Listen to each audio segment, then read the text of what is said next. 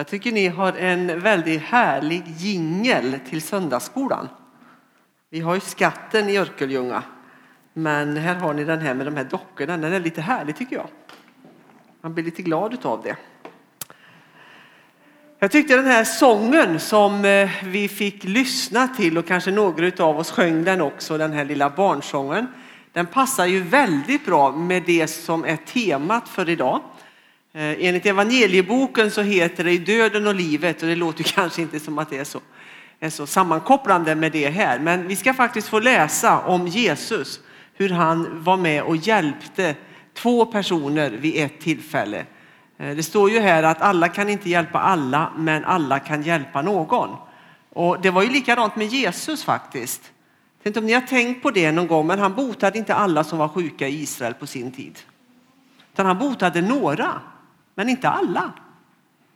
Och det kan man ju fundera över, varför var det så? Men, men han var ju också begränsad av sin så att säga, mänsklighet mitt i det gudomliga som han stod i. Eh, men idag ska vi faktiskt få ett smakprov eller en påminnelse om vem Jesus är. Så vi ska läsa från Lukas 7, 11 till 17. Jag vet inte om ni har någon eh, sandbok eller någonting, annars kan ni slå upp i era biblar om ni har med er det. Lukas 7, 11 till och med 17. Och jag läser från folkbibeln om du har en annan översättning.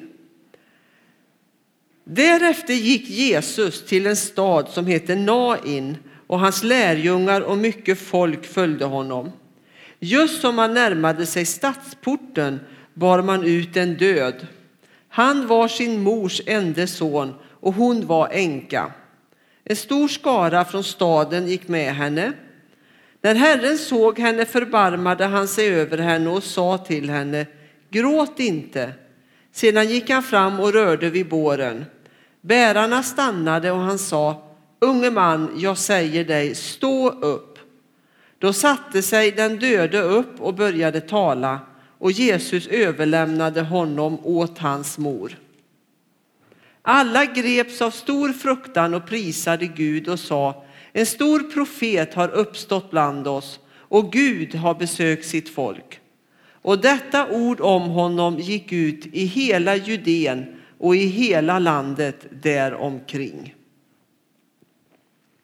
Vi tackar dig Jesus för detta ord som du vill räcka oss den här kvällen. Och nu ber vi dig Herre att de här orden som vi idag får ta emot från dig ska få förändra våra liv, ska få tala till oss, korrigera oss, utmana oss, fylla oss med kärlek. Så därför ber vi nu dig, helige Ande, att du får ja, så mycket vi förmår, fritt spelrum i våra liv, att tala och utföra det som du önskar hos oss var och en idag. Detta ber vi om i Jesu Kristi namn. Amen. Idag så tänkte jag att eh, vi ska titta på den här eh, texten och den här händelsen givetvis. Men samtidigt så kommer jag också titta lite granna på vad händer innan och vad händer efter.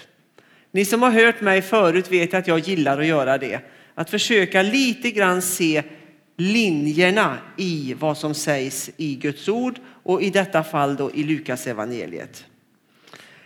Men vad är det vi möter här? Jo, vi möter Jesus nu när han är på väg till en stad som på den tiden hette Nain.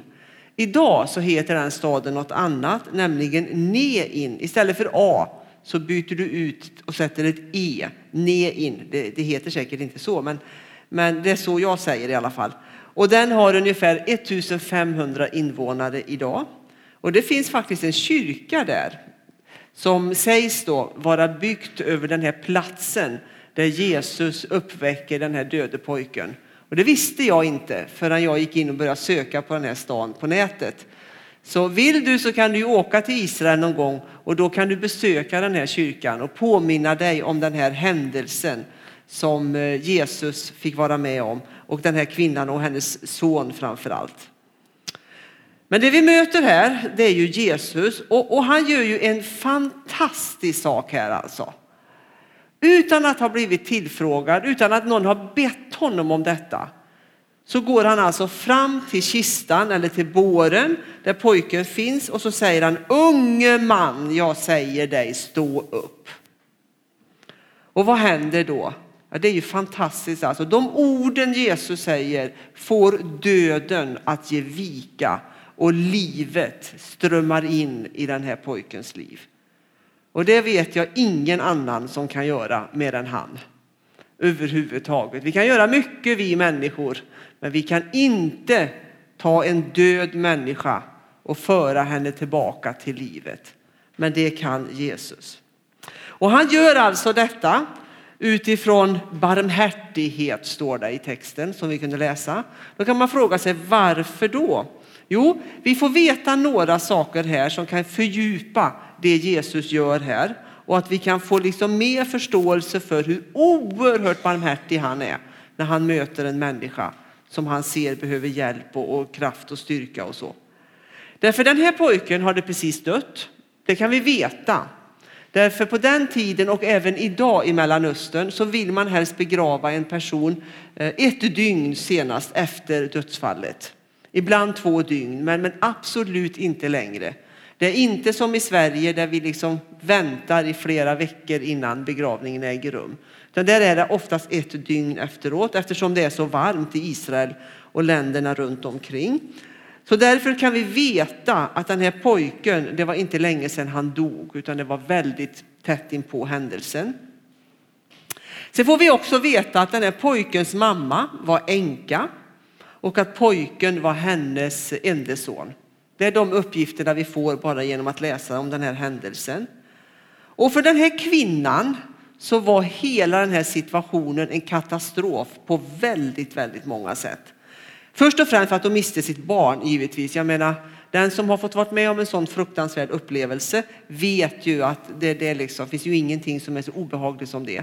Så fruktansvärt. Så det, det är klart, det var ju en sak, sak som var oerhört jobbig för henne. Men inte bara det, därför att hennes situation efter att begravningen hade ägt rum var inte ljus. För henne så väntade stor fattigdom faktiskt och enorma svårigheter. Och då kan man ställa sig frågan varför då? Jo, därför på den tiden så levde man i den eh, ordningen att, att det var mannen som så att säga försörjde sin kvinna. Om inte mannen fanns så var det äldste sonen eller den andra sonen om, det, om den äldste sonen hade dött. Så, så för den här kvinnan så var inte bara det att sonen försvann utan hela hennes liv försvann. Hon hade ingen försörjning. Hon hade ingen som tog hand om henne om inte det var så att hon hade någon, någon släkting eller någon som kunde förbarma sig över henne. Så för henne var den här situationen dubbelt upp besvärlig än att bara begrava sin son. Och detta vet ju Jesus, för han kan ju traditionen, hur det var på den tiden, hur man såg på de här sakerna. Och därför så går han nu till denna kvinnas döde sons kista eller ja, bår eller vad han låg på. Och så befaller han att döden ska lämna pojken. Och jag tycker det är helt fantastiskt. Livet kommer åter för denne pojken kan vi läsa. Han reser sig upp och börjar prata. Men det är ju inte så att bara det är denne pojken som får livet tillbaka i den här händelsen. Utan får, mamman får ju faktiskt det också. Därför mammans försörjning, kvinnans försörjning blir ju helt plötsligt ordnad. Hela hennes liv förändras i och med detta. Både det att hon får tillbaka sin pojk och sin son, jag menar, det förstår ni själva att det var ju fantastiskt. Men också hennes livssituation och hennes framtid blev ju helt annorlunda. Plötsligt hade hon en försörjare. Så det Jesus gör är att han utväljer henne på något vis bland alla andra som fanns runt omkring som också var i svårigheter. Men han väljer att, att liksom förändra den här pojkens liv och mammans liv då i den här situationen. Och så avslutar då Lukas den här berättelsen med att återge folkets bedömning av vem Jesus är. När de säger så här, en stor profet har trätt fram bland oss och Gud har besökt sitt folk. Och då kan du och jag ställa oss frågan, vem är egentligen denne Jesus som vi har läst om här? Om vi då skulle gå tillbaka och titta på vad som händer precis innan den här berättelsen. Nu hoppar jag då tillbaka ett snäpp. Eh, innan Jesus uppväcker den här änkans son så hamnar vi i Kafarnaum. Och där kan man då läsa, och det får du gärna göra när du kommer hem ikväll innan du går och lägger dig, så kan du läsa den här berättelsen. Där finns en berättelse om en romersk officer som har en sjuk tjänare. Och så skickar den här romerska officeren bud efter Jesus och så ber han honom komma och bota hans tjänare som ligger för döden. Han är inte död, men han är nog ganska nära att dö. Och då berättas det om att Jesus han är på väg dit, han går dit med, med, med hast och så här, men när han närmar sig officeren och den dödssjuke tjänaren så skickar officeren bud till Jesus och så säger han så här. Herre, gör dig inte besvär. Jag är inte värd att du går in under mitt tak. Därför ansåg jag mig inte heller värd att komma till dig. Men säg ett ord så blir min tjänare frisk. Officeren vet alltså att Jesus som är en jude inte får gå in vid den här tidpunkten i en hednisk officers hem. Det var ju förbjudet för judarna vid den tidpunkten. Så därför säger den här officeren, kom inte in till mig, utan jag vet vad du kan göra. Bara säg ett ord så kommer min tjänare att bli frisk. Och så säger Jesus så här, inte ens i Israel har jag funnit en så stark tro. Och då kan man ju fundera över vad är det för tro som officeren har? Vad är det han tror på? Ja, han tror ju på Jesu makt att bryta dödens band, sjukdomar och annat som har drabbat människor. Det är ju det han tror på. Och det är också det som han får se med sin tjänare. Så vem är Jesus egentligen? Och då har vi haft två berättelser här som Lukas har liksom velat berätta för oss om hur Jesus kan bryta en sjuk tjänares sjukdom och uppväcka den här döde pojken och han får livet tillbaka igen. Och så flyttar vi oss till andra sidan om Nain, andra sidan om den här änkans son. Vad hittar vi då där i Lukas evangeliet? För vem är Jesus egentligen? Ja, för den frågan ställer sig faktiskt också Johannes döparen. kan man tycka är konstigt. Han har ju ändå vandrat med Jesus och är ju till och med släkt med honom. Men han är också en frågande. Så han sitter i fängelse vid den här tidpunkten.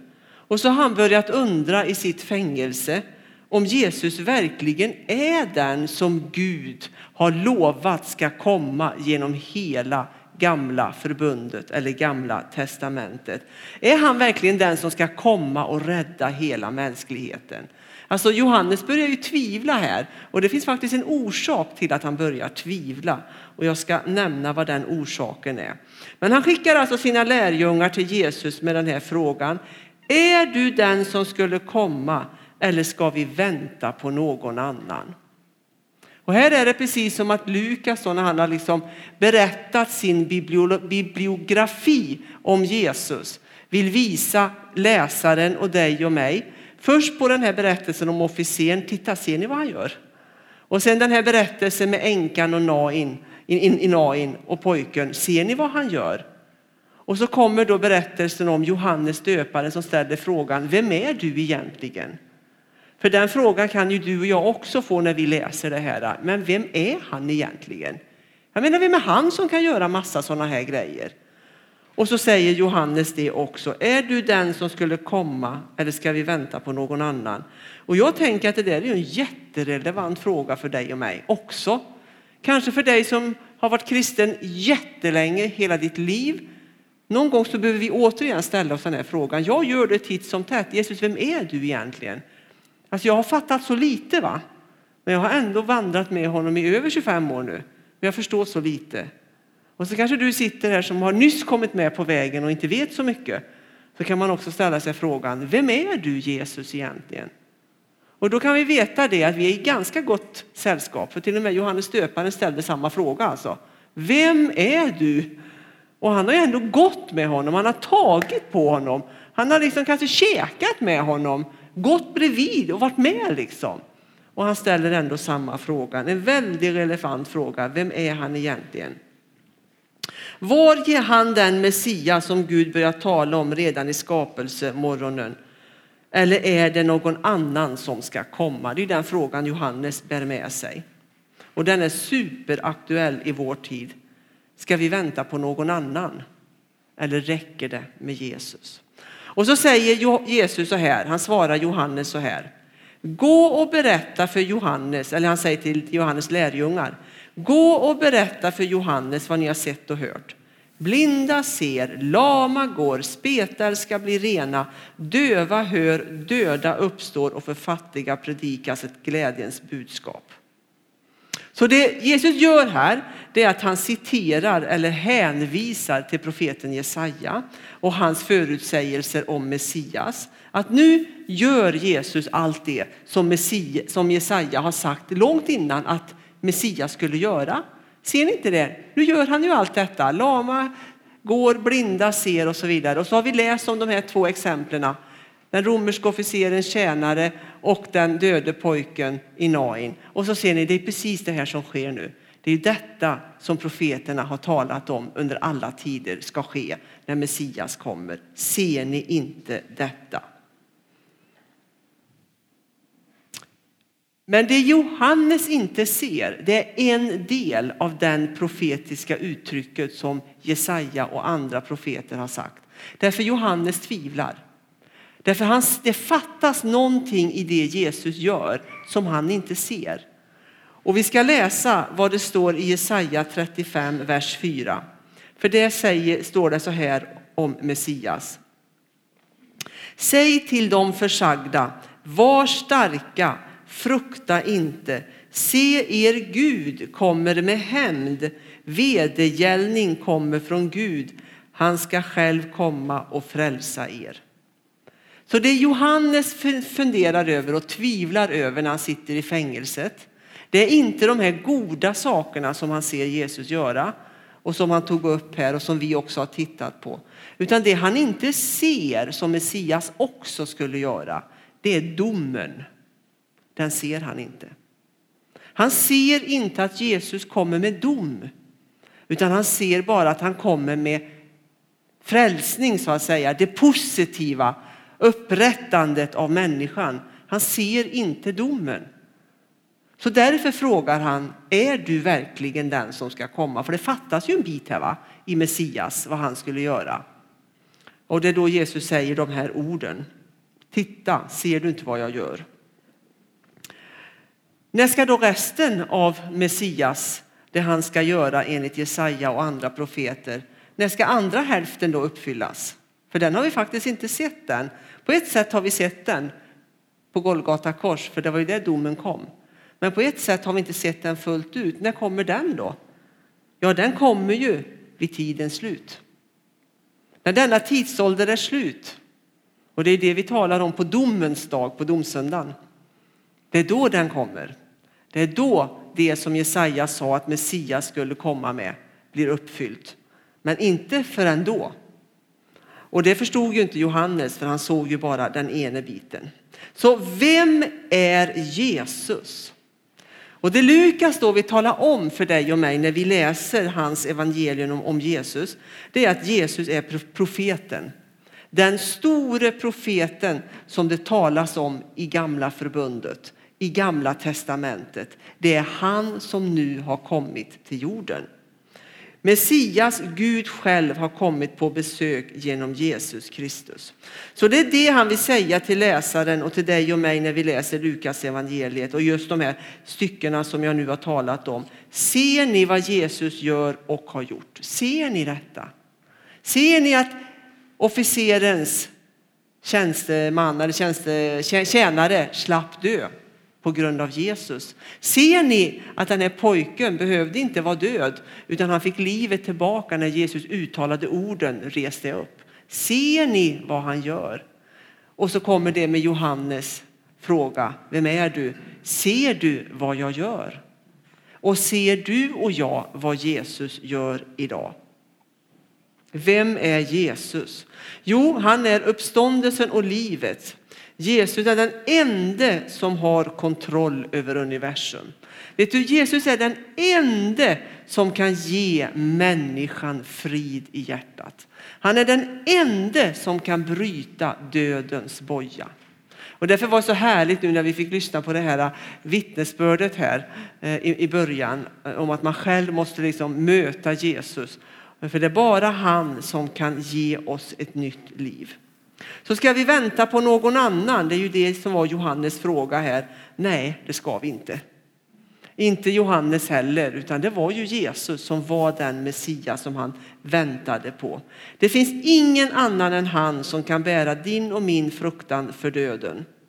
Så det Lukas vill visa oss är att Jesus har de krafterna som Messias, Gud själv, har. Och det han önskar och ber och längtar efter det är att du och jag ska ta emot detta.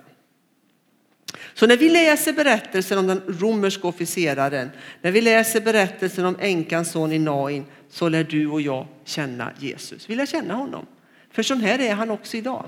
Han är likadan. Och han vill möta dig och mig. Det finns ingen människa som kan dra en, en annan människa tillbaka från döden som jag sa förut. Ingen levande människa kan göra det. Har du sett en död person någon gång som änkans son här i Nain eller någon annan i din närhet, då vet du att när döden har inträffat, då är det totalt slut med all kontakt. Det finns ingen som helst möjlighet att få kontakt med den personen igen. Men den enda som kan få döden att vända bakåt så att säga, det är Jesus. Och det är ju det han faktiskt har gjort när han dog på Golgata kors och uppstod. Han fick ju, gå, han fick ju döden till att gå tillbaka. Därför att du och jag ska inte behöva frukta den dagen. Utan vi ska kunna veta att när det är dags för dig och mig att inträda i det så kommer han att stå där med livet till dig och mig. Och vi ska inte behöva frukta detta. Och varför ska vi inte behöva frukta detta du och jag? Jo, därför när Jesus som Guds offernamn dog på korset och på tredje dagen uppstod och krossade hans dödens bojor.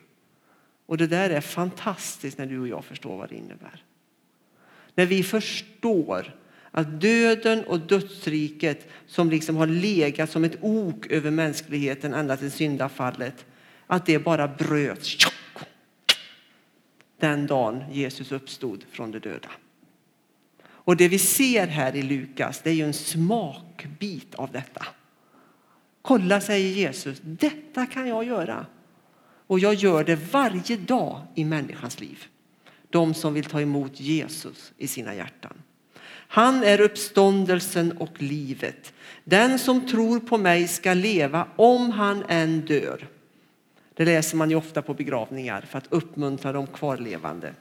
Så Jesus är källan till allt liv och om det är någonting du och jag behöver dela med oss av idag så är det just detta till människor.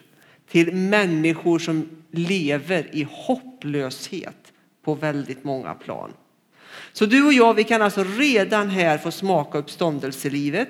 Vi behöver inte vänta tills vi kroppsligen dör, utan vi kan redan idag få smaka frihetens ande. För det fick ju officerens tjänare, eller hur? Och det fick ju den döde pojken i Nain. Fick ju faktiskt uppleva vid den tidpunkten uppståndelsekraften i sina liv. Sen var de tvungna att dö igen en gång. Därför den yttersta uppståndelsen var ju inte kommen än då. Men de fick smaka på detta och det kan du och jag också få göra här.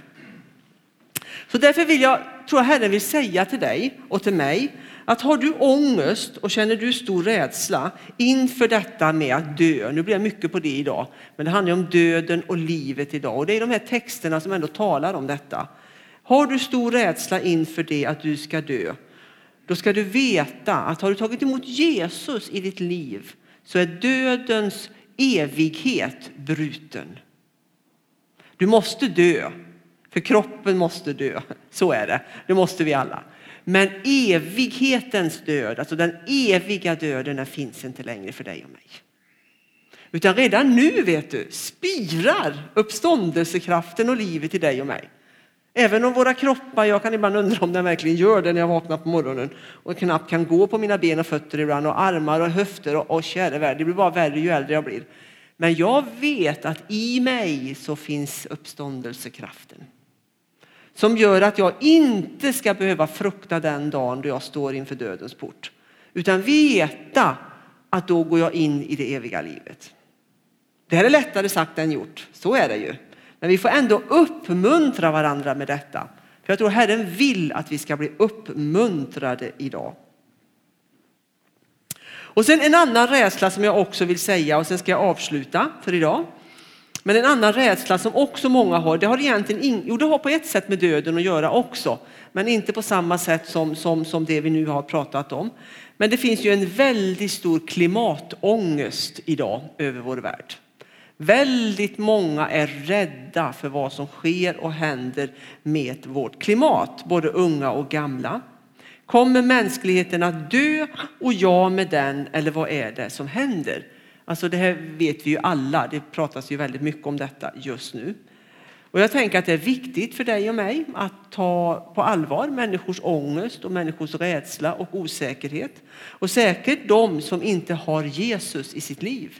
För de har ju inget hopp. va? Om den här världen skulle braka åt skogen, vilket Herren säger att den ska, så finns det ju inget att hoppas på för den som inte har Jesus. Men jag tänker för dig och mig, vi som känner Jesus, vi ska inte behöva leva, inte ens med den rädslan i våra liv. Utan Herren har också hand om det. Därför att det kristna hoppet talar ju inte bara om att du och jag en dag väntar på en uppståndelse i våra egna liv. Utan det kristna hoppet talar också om en förnyad himmel och en förnyad jord. Det är underbart. Denna jord ska kläs av. Denna jord ska förintas på något sätt. Hur vet jag inte. Det finns olika tolkningar och tankar omkring det. Det är ingen aning om. Men det finns en ny himmel och en ny jord som väntar dig och mig. Så därför ska inte du och jag behöva leva i rädsla för detta heller. Utan kan kunna känna hopp inför framtiden.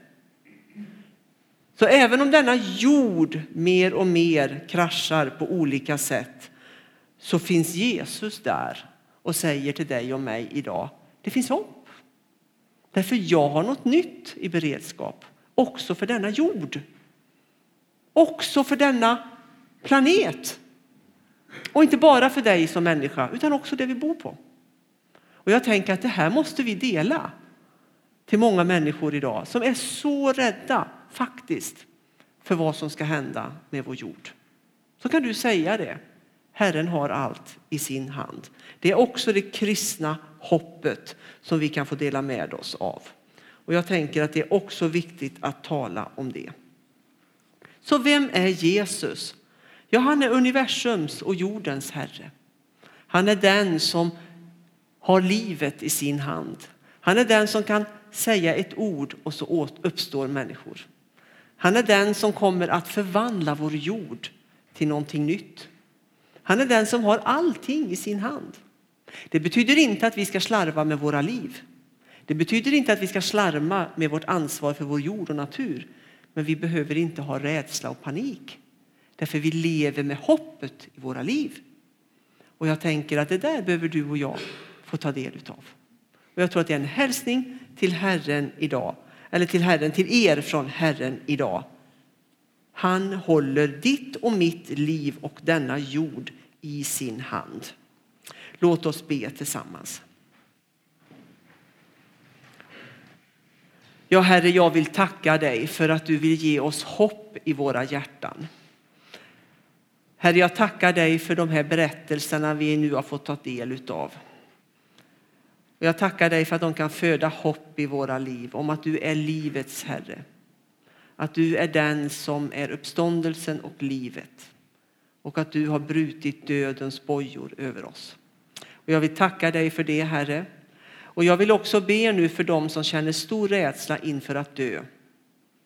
Därför det gör vi, Herre, även vi som tillhör dig, för vi har aldrig gjort det innan. Så därför finns det en osäkerhet hos många av oss. Hur ska det bli? Vad kommer hända? Men Herre, jag ber, kom med din ande, med livets ande in i våra hjärtan och framför allt till dem som känner osäkerhet och ångest och rädsla inför detta.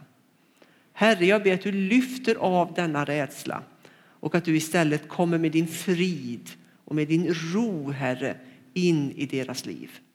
Så att man kan få leva här på jorden och känna att jag vilar tryggt i dina händer, Jesus. Att jag vilar tryggt, Herre, i Faderns händer och att du har full kontroll över våra liv. Och så vill jag också be dig, Herre, för denna klimatångest och klimatoro som vi ser breder ut sig på gott och ont i, i vår värld just nu, Herre. Och jag vill be dig att du också där kommer in och fyller oss med hopp, Herre, över att du också kommer att restaurera denna jord på något vis. Ja, herre, jag tackar dig att ingen ska behöva gå omkring och leva i rädsla och ångest över det som händer just nu i vår värld. Utan jag ber Fader i himmelen att du kommer med din ande också över de här frågorna som många, många, många brottas med just nu. Tack att du vill peka på dig, du som är frälsaren för både mitt liv men också denna jords liv.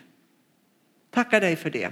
Och jag, vi verkligen, jag verkligen ber Herre att du kommer in i våra oroliga hjärtan och fyller oss med frid utöver frid. Tack för att du Herre ger oss en frid som inte världen ger. En frid som i mitt i oron, mitt i stormen kan bära oss. Och det ber jag om Herre, att vi var och en ska få uppleva i våra liv. Och vi tackar dig och vi ber i Jesu namn. Amen.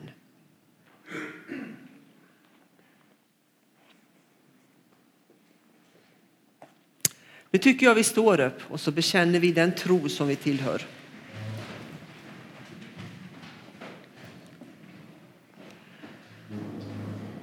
Vi tror på Gud Fader allsmäktig, himmelens och jordens skapare.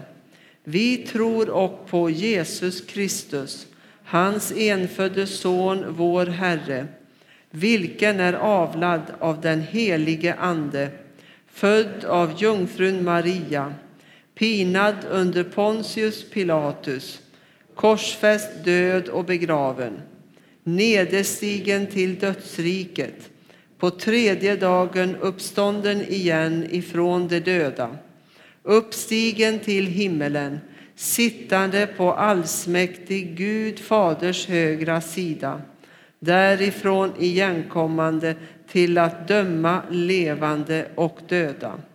Vi tror och på den helige Ande, en helig allmännelig kyrka, det heliga samfund, syndernas förlåtelse, det dödas uppståndelse och ett evigt liv.